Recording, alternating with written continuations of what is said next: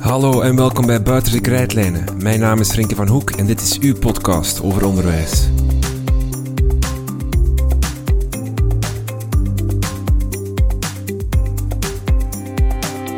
In dit schooljaar krijgt u weer maandelijks een aflevering in samenwerking met TeacherTap. TeacherTap is een gratis app die je elke dag de kans geeft om drie meer keuzevragen te beantwoorden die aansluiten bij de dagelijkse praktijk of de actualiteit van het onderwijs. Want elke dag staan velen van jullie voor de klas, werken aan onderwijsbeleid of doen onderzoek naar onderwijs. En hoewel je met veel collega's spreekt, vraag je je soms wel af of dat elders ook zo is. Wat denken al die andere leraars hierover? Wat zouden zij anders hebben gedaan? Om een zicht te krijgen op wat al die andere onderwijsprofessionals denken, is er dus TeacherTap Vlaanderen. In deze aflevering praten we over professionalisering. Want het is nooit te laat om te leren. De voorbije maanden werden er heel wat vragen gesteld over professionalisering aan de respondenten van TeacherTap. Dat zorgde voor heel wat inzicht in hoe leerkrachten professionaliseren, tegen wat voor struikenblokken ze aanlopen en waar leerkrachten nog kennis over missen. Lara van Mello is student pedagogische wetenschappen en liep stage bij TeacherTap en schreef een rapport over de resultaten. In deze aflevering overlopen we een aantal van de conclusies die Lara kon trekken. Lara van Mello over professionalisering.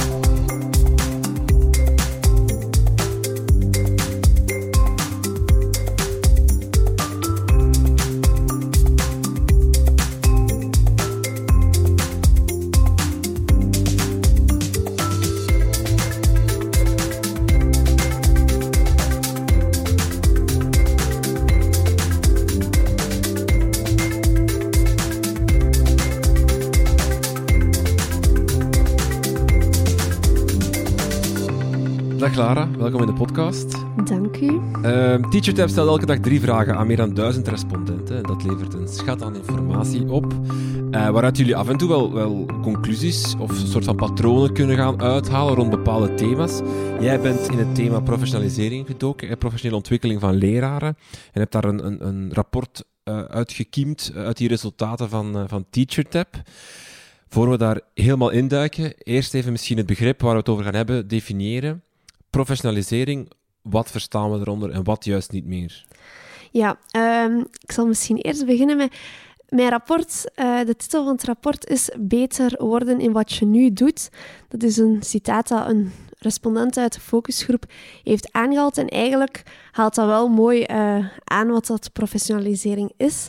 Um, het is beter doen in wat je als leraar doet in de dagdagelijkse praktijk, lesgeven, maar ook ondersteunen van leerlingen, uh, studenten.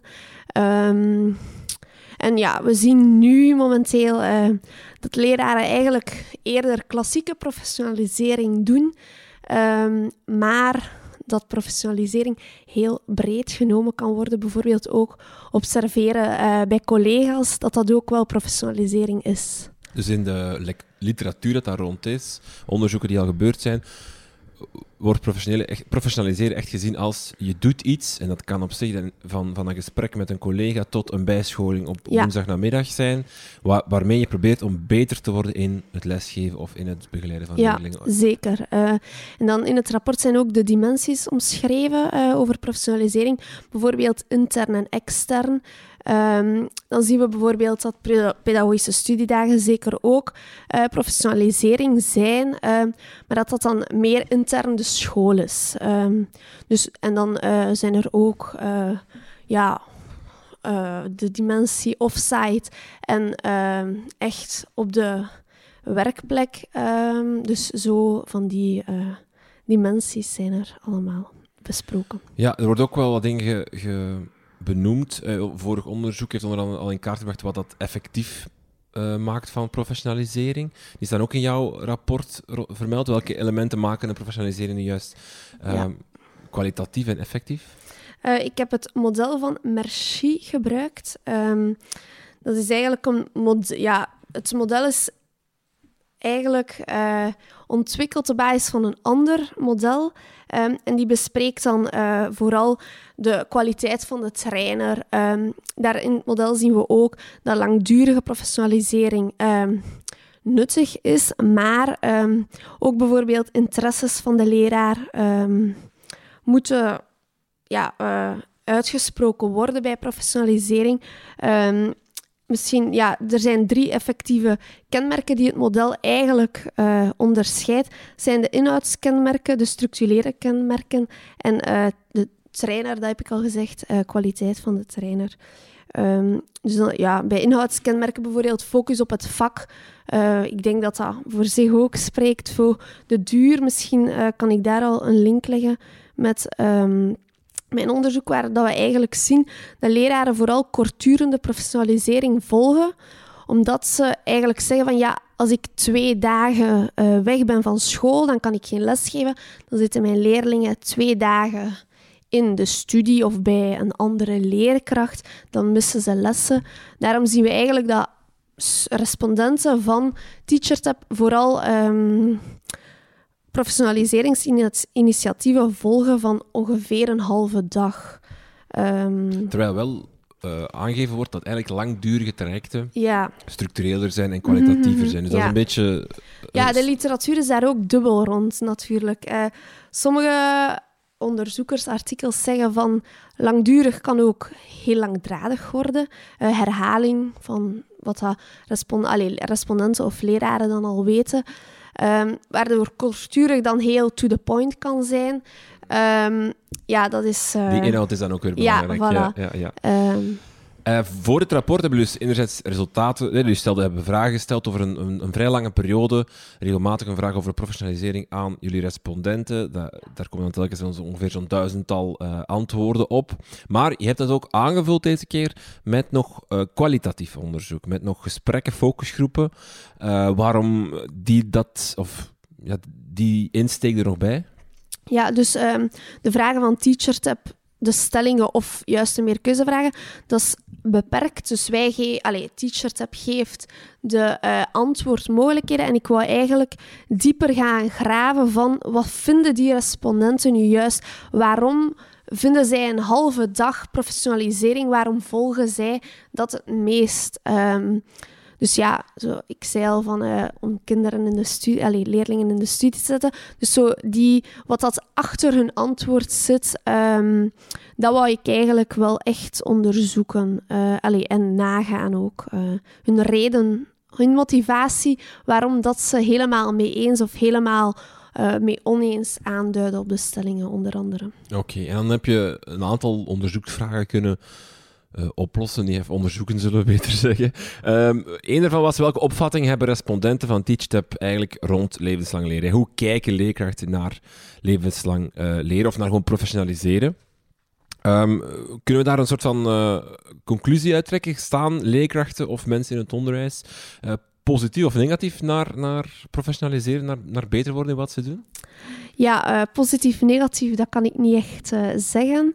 Uh, ik kan wel zeggen dat ze bereid, dat respondenten van Teachers dan bereid zijn om zich te professionaliseren. We zien ook dat dat gebeurt, op frequente basis toch wel. Um, maar dat ze in de focusgroepen kwam dan natuurlijk naar boven dat, dat de respondenten nog veel meer eigenlijk willen professionalisering, professionaliseren. Um, ze hebben nog veel thema's waar er ook bijvoorbeeld geen professionaliseringsactiviteiten over zijn. Of ze vinden ze juist niet. Ze weten niet waar moet ik uh, mijn bijscholing vinden. Is dat een goede bijscholing? Um, we hebben ook twee vragen gesteld. Um, al, of dat respondenten meer zouden professionalisering professionaliseren wanneer ze um, een salarissupplement zouden krijgen. Dan zien we wel dat, dat, zou, dat ze dat meer zouden doen. En ook zouden respondenten uh, meer professionaliseren wanneer ze tijd vrijgeroosterd krijgen in hun uh, lessenrooster. Bijvoorbeeld in Nederland krijgen ze uh, x aantal uren per schooljaar uh, om te professionaliseren. Dus dat is misschien een idee om over na te denken in het Vlaamse onderwijs om dat in uh, de lessenrooster van leraren te programmeren um, om te professionaliseren. Want dat kwam ook wel een paar keer terug in je rapport. Het, er is eigenlijk wel nood aan, aan het feit dat er een soort van verplichting of regels komen rond die professionalisering. Er is wel vraag naar, maar tegelijkertijd staat ook in jouw rapport, het moet ook wel aansluiten bij de interesses Ja. van de leerkracht. Als dat niet gebeurt, dan, dan haken ook wel veel leerkrachten af. Ja, we zien inderdaad ehm, dat verplichte bijscholingen, nascholingen ehm, gewenst zijn bij respondenten. Maar eh, dan geven ze wel ook aan dat ze liefst nascholingen, bijscholingen volgen die aansluiten bij hun interesses. Maar dan tijdens de focusgroep hoorde ik dan van een eh, respondent, ja, maar ik sta in het lager onderwijs. En ehm, dan zijn er collega's die een nascholing over bloemschikken doen. Dus waar trek je dan die grens? Dus de respondenten geven dan wel ook aan eh, om duidelijke grenzen te stellen wanneer er een verplichte professionalisering eh, komt. Zo, in sommige scholen moeten leraren twee keer per eh, schooljaar bij een collega op observatie gaan. Dat zie ik ook in het rapport. Dat sommige, allee, de meeste van de respondenten dat wel doen. Ehm, niet jaarlijks, maar ooit wel eens gedaan hebben. Maar eh, wordt er dan ook effectief iets mee gedaan? Dat is dan een tweede vraag. Ehm, dus professionalisering stopt niet bij gewoon het observeren of naar de nascholing gaan. Ehm leraren moeten er ook over reflecteren daarna, achteraf.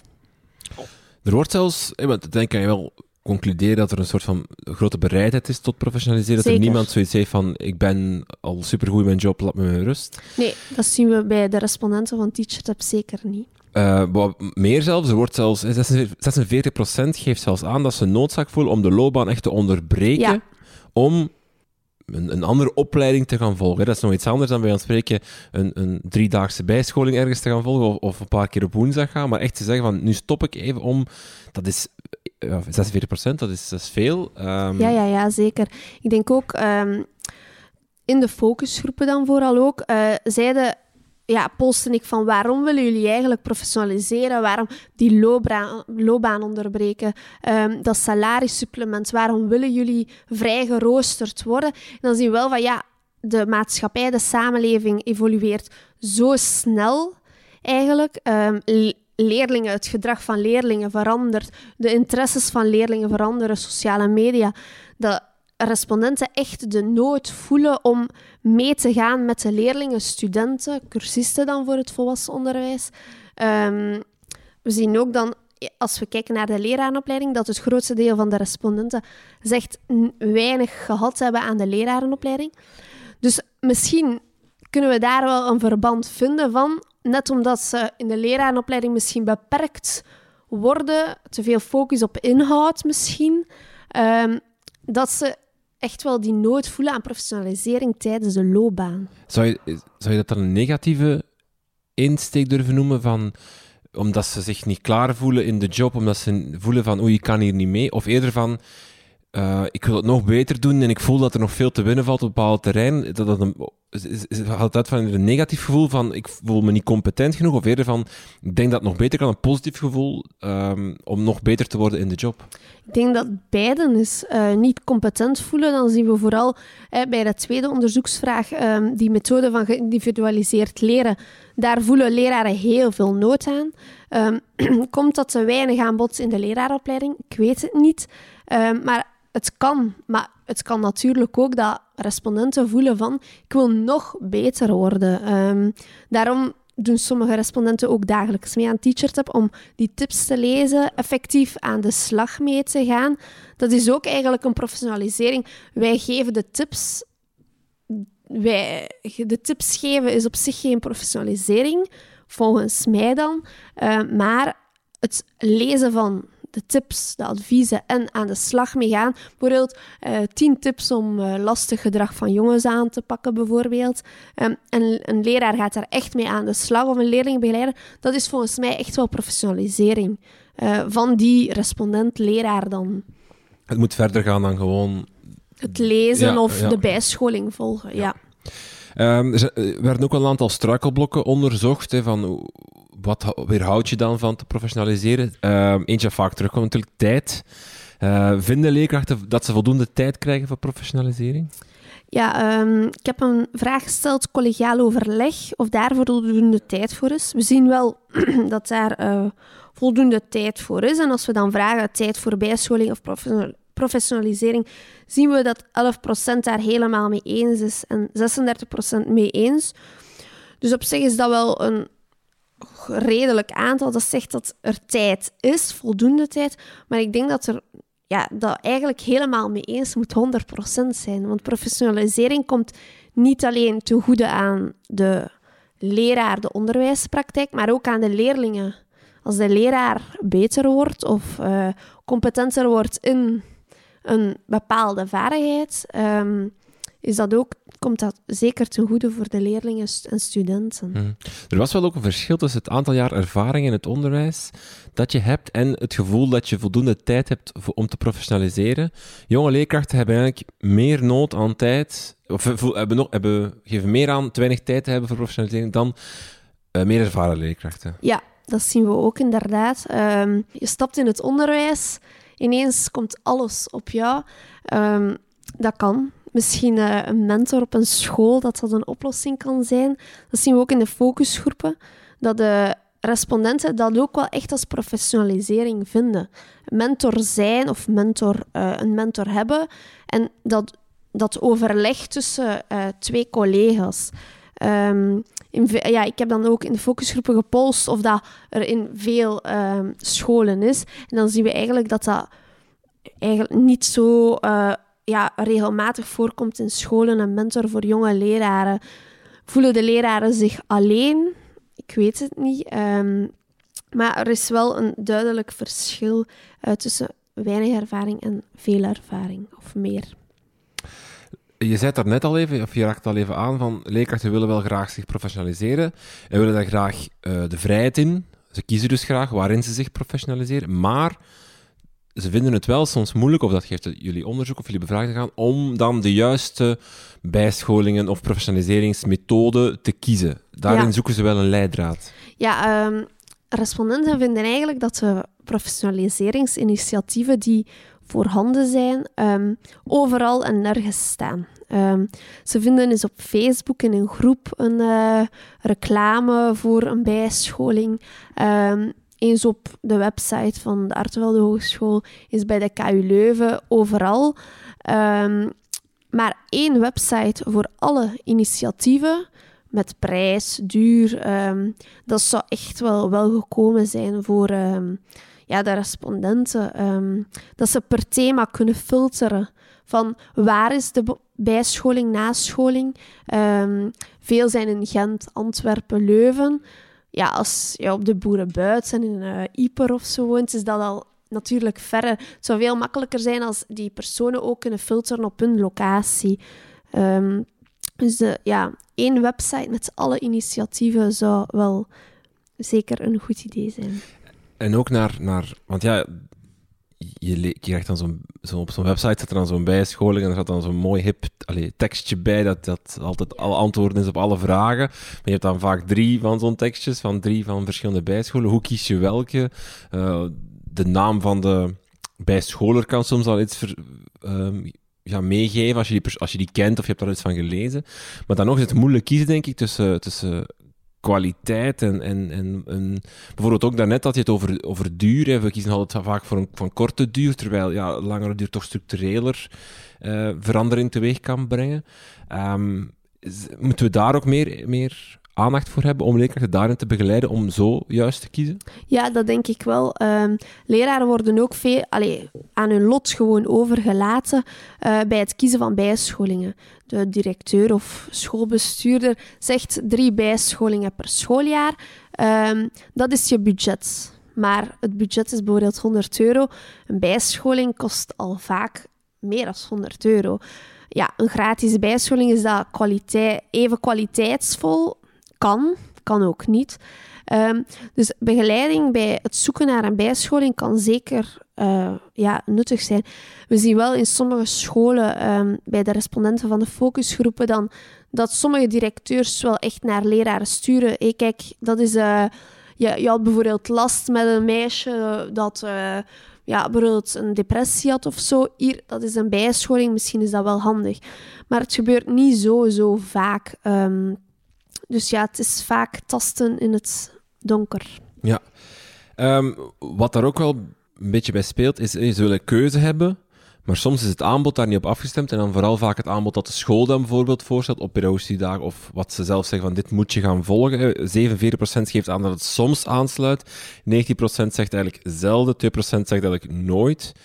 Um, dat, dat is ook wel een probleem dat soms um, de doelen dan, zal ik maar zeggen, of de focus van leerkracht versus school soms wel eens verschillend kunnen staan. Ja, um, natuurlijk, een, een, pedagogische studiedag wordt meestal ingericht door de school uh, zonder bevraging aan de leraren waarin je ben, ja, leraren geïnteresseerd zijn.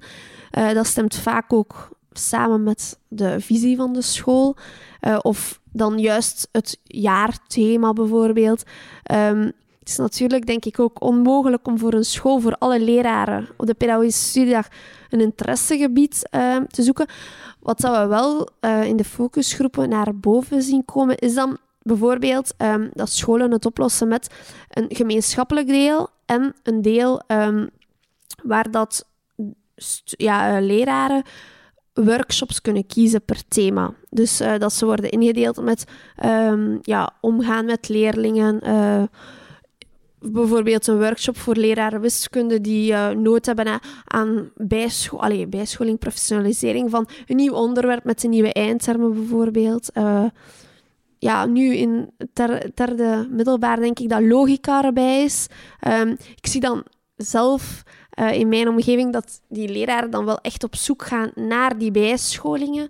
Maar dat het toch nog beperkt is op school naar de school komen is nog altijd iets beter dan doen alle leraren het samen. En kan je daarover natuurlijk terug overleg plegen en professionaliseren. Ja, er zit wel een meerwaarde in om met je hele school mhm. rond een bepaald thema te professionaliseren mhm. dan iedereen die allemaal andere dingen gaat voilà. doen. Uh, dat is, allee, we zien ook in bijvoorbeeld één vakgroep leraren krijgen een budget. De vakgroep Frans krijgt een budget van 300 euro. Die leraar gaat dan een bijscholing doen. Het budget is op. Maar dan moet er wel met de, die ene leraar overlegd worden met de andere collega's van de vakgroep. Kennis gedeeld. Ja. Ehm, in, in het rapport staat ook een stelling van... Um, zie je, uh, vind je dat de kennis en expertise vlot binnen het schoolteam wordt gedeeld? Ja, 7% zegt helemaal mee eens te zijn dat de kennis en expertise wordt gedeeld. En 42% zegt gewoon eens. Dus 7% helemaal mee eens, 42% mee eens. Um, ja, dat is bijna de helft, zien we wel. Dus ergens denk ik dan wel dat ze over de nascholingen die ze volgen um, babbelen. Maar als we dan kijken naar hoe delen um, respondenten de kennis, dan zien we eigenlijk dat het grootste deel gewoon in de wandelgangen gebeurt. Dus uh, is dat dan met een collega van dezelfde vakgroep, andere vakgroep, weet ik niet. Maar het gebeurt wel informeel. Is dat uh, even kwaliteitsvol? Dat is natuurlijk een andere vraag. Um, een nascholing volgen wilt niet alleen zeggen van ah, het was boeiend. Je moet die nascholing ook volgen. Um, of ik heb dat gedaan, ik heb die uh, werkvorm gedaan in de les. Je moet dat ook eens proberen. Moet dieper gaan. Um, hoe heb je dat voorbereid? Uh, wat neem je mee uit die nascholing? Bijvoorbeeld niet alleen het was leuk of het was boeiend. Dus ja, er moeten wel volgens mij formele momenten ingepland worden tussen leraren. Dat moet niet per se binnen vakgroepen, dat kan ook uh, ja, alle leraren van uh, de klas 6 Latijn-wiskunde bijvoorbeeld gaan eens overleggen over dat onderwerp. Um, dus het inplannen denk ik dat wel heel belangrijk is. Want in de wandelgangen heb je niet zoveel tijd, denk ik. Als ik uh, soms op scholen ben, zie ik hoe hectisch het eraan toe gaat tijdens leswissels, tijdens speeltijden. Dus formele momenten zijn denk ik wel een goed idee. Waar hebben leerkrachten nood aan? Hè? Waar, willen ze aan in, waar willen ze in professionaliseren? Dat was ook een vraag uh, die je gesteld hebt. Um, die zei het daarnet al, de meeste nood vinden leerkrachten in um, methodes rond differentiatie, rond geïndividualiseerd leren. Uh, waarom net daar? Ja, waarom net daar? Dat is uh, een goede vraag. Uh, misschien omdat het te weinig aan bod komt in de lerarenopleiding. Um, dat is dan weer een link met de vraag van heb je veel gehad aan de lerarenopleiding? Um, of misschien omdat ze juist daarop willen inzetten. dat die schooldirecteurs of het beleid van scholen dat heel belangrijk vinden. Ehm, ouders die willen dat hun kind ja, door de leraar heel goed wordt opgevolgd, uh, kan ook. Dus uh, dat zijn ja, allemaal vragen die in verder onderzoek zeker nog kunnen uitgedokterd worden. Wat werd er nog uh, aangekaart door, door, door leerkrachten als, als noodzaken om, om in te professionaliseren? Ja, we zien dus hè, methode voor geïndividualiseerd leren, dat uh, geeft 48% aan daar nood aan te hebben. Maar ook hebben leraren vooral nood aan leerlingen, evaluatie en toetsing. Dus bijvoorbeeld, uh, ik denk maar aan iets, uh, hoe stel je een goed examen op? Uh, rapportcommentaar schrijven. Um, maar ook uh, leerlingengedrag in klasmanagement. Um, dus ja, ik denk dat dat, zoals ik daar juist zei, die snel evoluerende maatschappij, maar ook vooral uh, aan ICT-vaardigheden om les te geven. Zeker nu met uh, het coronavirus, denk ik dat leraren wel echt de nood hebben gevoeld om uh, aan hun ICT-vaardigheden iets te doen. Um, als ik kijk in mijn eigen omgeving, toen ineens de minister besloot alles thuis te doen, was het paniek. Uh, oei, en uh, ik moet met een webcam lesgeven en uh, powerpoints maken, filmpjes maken. Hoe doe ik dat? we zien wel dat de uitgeverijen, nascholingsplatformen veel webinars hebben gegeven.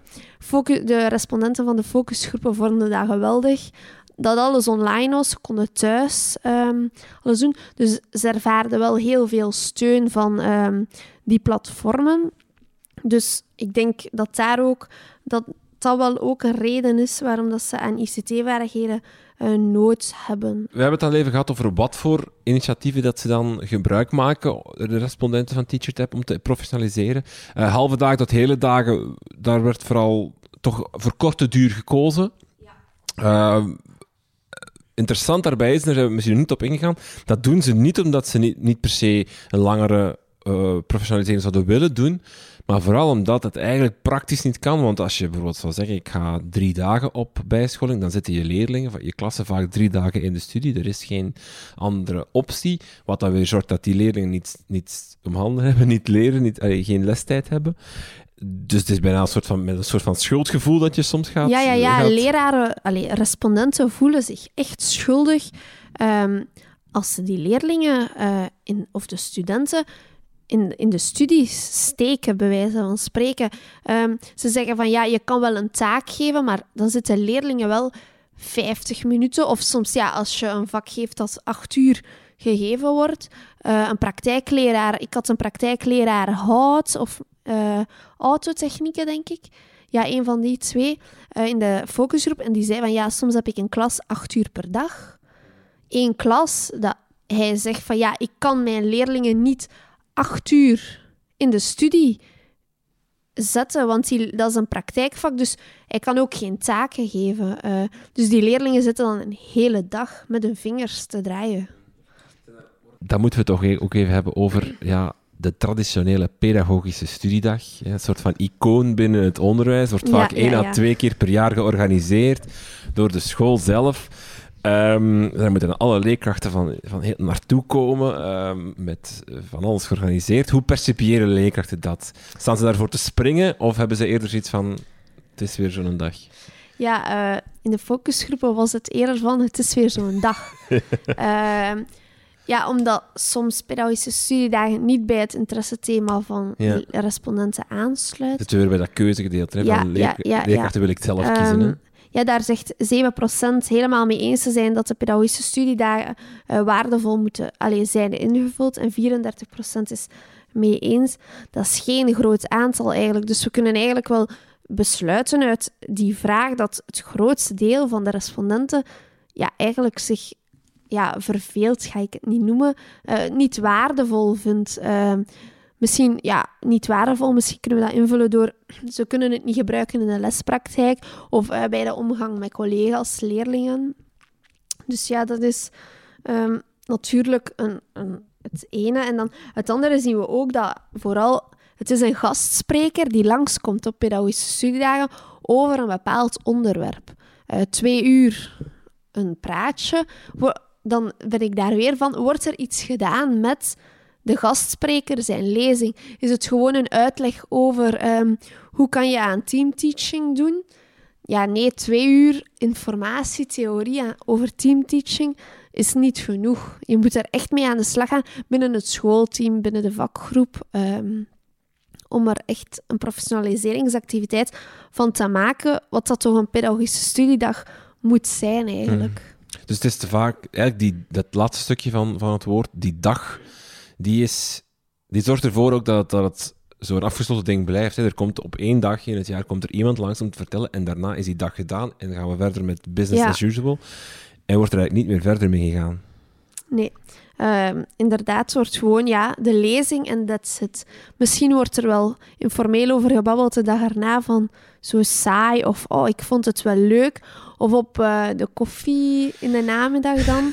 uh, maar een formeel moment om dan de lezing te bespreken, hoor ik toch niet bij de respondenten.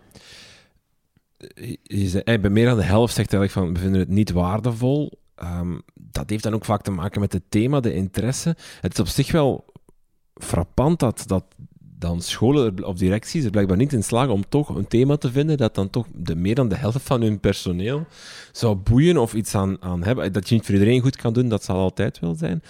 Um, is dat dan toch een soort van blindheid vanuit besturen naar hun personeel toe als ze zo'n pedagogische studiedag moeten invullen? Ja, een blindheid weet ik niet, maar misschien um, willen schoolbesturen vooral uh, pedagogische studiedagen inrichten die uh, binnen het beleid van de school passen, binnen de visie van de scholengroep uh, onder andere. maar een oplossing kan, een eenvoudige oplossing eigenlijk in mijn ogen, kan dan zijn een bevraging via Google Docs. Je geeft tien onderwerpen, bijvoorbeeld de onderwerpen daar in het Thalys-onderzoek die ik ook heb uh, gebruikt, leerlingentoetsing, ICT-vaardigheden. En je neemt er twee thema's uit, die, alleen de twee thema's die je leraren um, ja, het meeste kiezen. Um, dat is een eenvoudige oplossing. Natuurlijk dat je dat niet voor elke studiedag kan doen. Um, en ja, ICT-vaardigheden, die persoon die je dan naar school wil uitnodigen, is dan niet beschikbaar. Maar ja, dan neem je tweede of derde. Zo kom je wel tegemoet aan de behoeften van je leraar of schoolteam. Uh, om af te sluiten, nog een interessante vorm van professionaliseren, ook al even ter sprake komen, die collegiale visitatie. Hè. Met elkaar eh, op bezoek gaan, eens gaan kijken naar de anderen zijn les. Leerkrachten geven eigenlijk al aan dat ze, dat ze heel van elkaar kunnen leren. Als je vraagt van hoe, hoe zou je professionaliseren, geven ze aan ja, van mijn collega's. Maar wat zien we als, we gaan, als jullie vragen van, doen jullie aan collegiale visitatie? Dat wordt amper gedaan. Ja. Um, Contradictie toch een beetje? Ja, ja, ja, ja zeker. Um, ik hoor wel in de focusgroepen dat het wordt gedaan. En ik denk dan ook in TeacherTap bij de vraag 63% zegt nooit. Misschien gebeurt het wel zo onbewust dat ze het uh, doen. Is snel binnengaan en kijken. Um, dus ik denk de 63% is misschien een uh, iets te groot uh, percentage.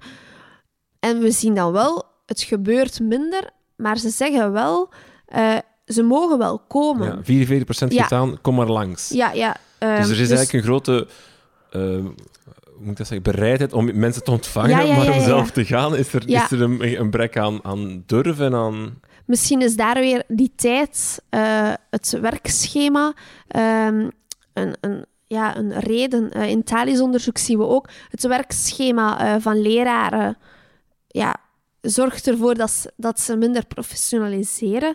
Um, misschien ja, komen de lessenroosters van collega's niet overeen om te observeren, of is er gewoon geen tijd voor? Um, dus dat is ja, collegiale visitatie. Er moet ook tijd worden gemaakt om bij een collega langs te kunnen gaan.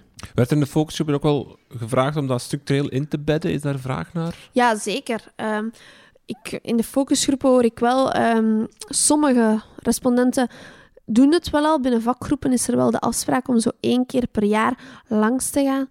Um, maar dan is het gewoon in de klas zitten en we gaan daarna. Ja, dus uh, ook weer niet dan moet er ook weer iets mee gebeuren. Um, dus ik denk dat er wel heel veel professionaliseringsinitiatieven gebeuren uh, in Vlaanderen bij de respondenten van TeacherTap dan, maar dat het uh, eerder klassiek blijft, beperkt en dat er niks wordt mee gedaan achteraf.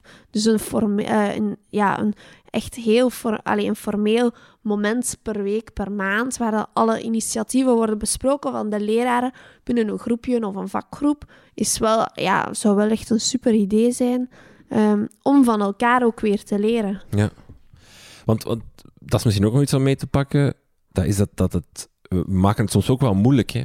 Professionaliseren moet altijd in, via een bijscholing, via een, externe organisatie, ergens in een grootstad zijn die veraf ligt. Terwijl eh, wat uh, ook het, het, onderzoek van, van, van Merci en zo aantonen, is dat het op zich ook gewoon in de klas next door kan gebeuren. Het kan echt de klas recht over jou zijn. Of, uh, allee, professionaliseren, allez, collegiale visitatie, professionalisering moet niet ook per se, uh, ik geef wiskunde en ik ga bij mijn collega wiskunde. Dat kan ook perfect zijn. Ik geef wiskunde en ik ga eens kijken wat die leerkracht fysica doet. Misschien kunnen wij wel eens een overlap of een leraar geschiedenis met een leraar Nederlands die elkaar observeren en zeggen: hey, uh, ja, mijn leerlingen moeten eigenlijk een tekst schrijven. Misschien kunnen ze wel een tekst schrijven over een onderwerp dat ze moeten behandelen in geschiedenis. Um, dus daar kan collegiale visitatie ook toe leiden. Um, het, is niet per, ja, het moet niet gewoon gaan observeren zijn. Oké, okay, uh, eh, Lara van Mello, dankjewel. Uh, het hele rapport zetten we in de show notes, want we hebben nog maar een stukje, eigenlijk, of bepaalde stukjes besproken. Er staat nog veel meer in. Uh, helemaal te lezen voor onze luisteraars. Ja. Lara, heel veel dank. Jij bent ook bedankt en de luisteraars ook.